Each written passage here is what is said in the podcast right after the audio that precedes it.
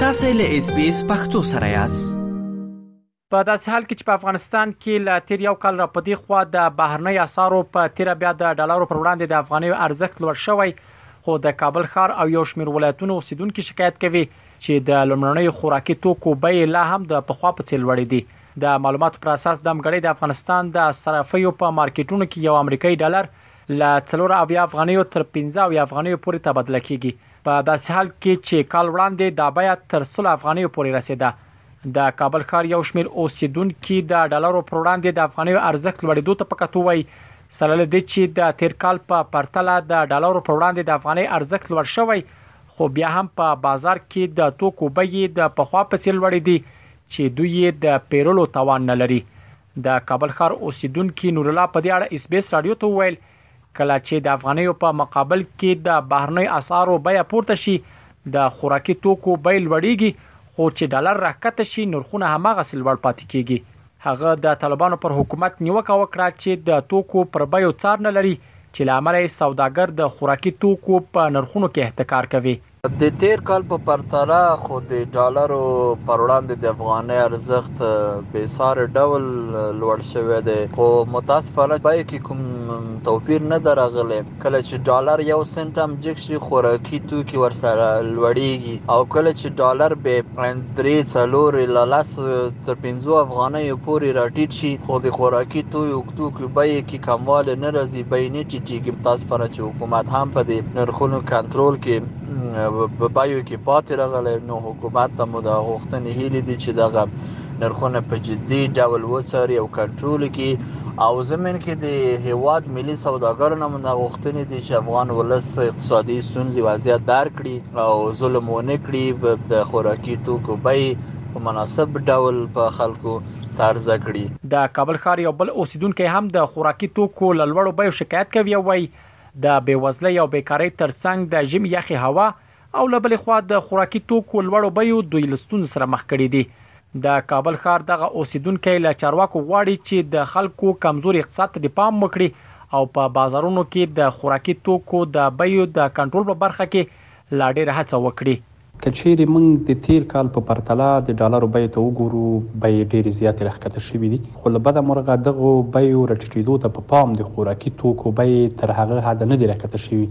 لکه چې ډالر راښکته شوی. کله چې ډالر یو سنټ هم پورته ولاړ شي نو بیې ورسره بې سارې توګه لوړېږي، خو کله چې ډالر بیه د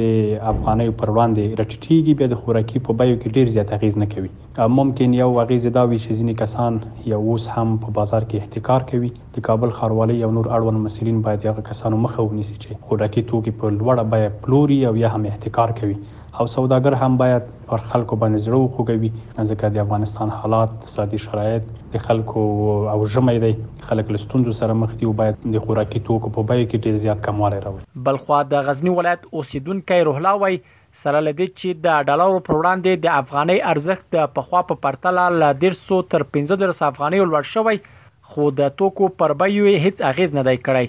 هغه له ایس بي ایس راډیو سره په خبرو کې د بیو د لوړوالي پړه پر سوداګرو او هټیوالو واچوله،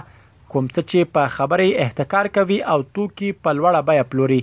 له پروسږ کاله تر اوسه په ډالر کې تقریباً له شل تر دېرش عام تر پنځه دېرش افغانیو پورې تغیر راغلی دی. له پنځه نوي څخه ډالر راغلی دا هم اته شپېته اوه شپېته ولې په هغو وختو کې وړو و په اوولس سوه افغانۍ باندې یوولس ولس نیم سوه افغانۍ اوس دي په شپاړس شپاړس نیم سوه افغانۍ باندې په هغه برسېره هم که کله ډالر مثلا له اوه شپېتو چې اته شپېته ته کېږي هم تش دکاندار ته ورسي شپاړس نیم سوه درته ولس سوه کوي چې ورته وایې ولې دا دومره ډېر سوی هغه وایي چې نن خو ولا ډالر پورته سوی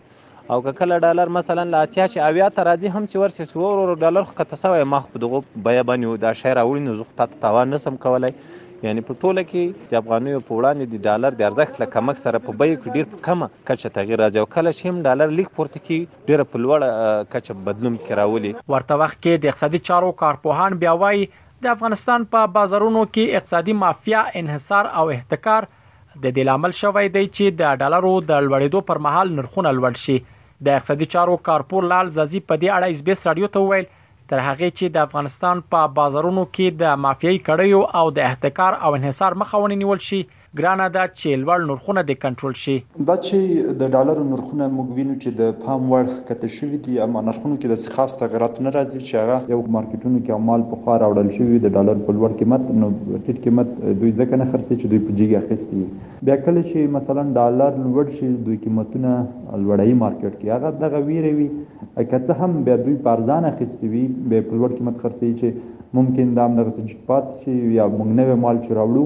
نو هغه شاید بیا موږ توان وکړو په دغه دوهمه برخه کې چې کوم دی بیا دغه تجاران ورونه دغه پرچون او د پرشون پرشان چې کوم دی دا اصلا په اصطلاح داسې یو کار کوي چې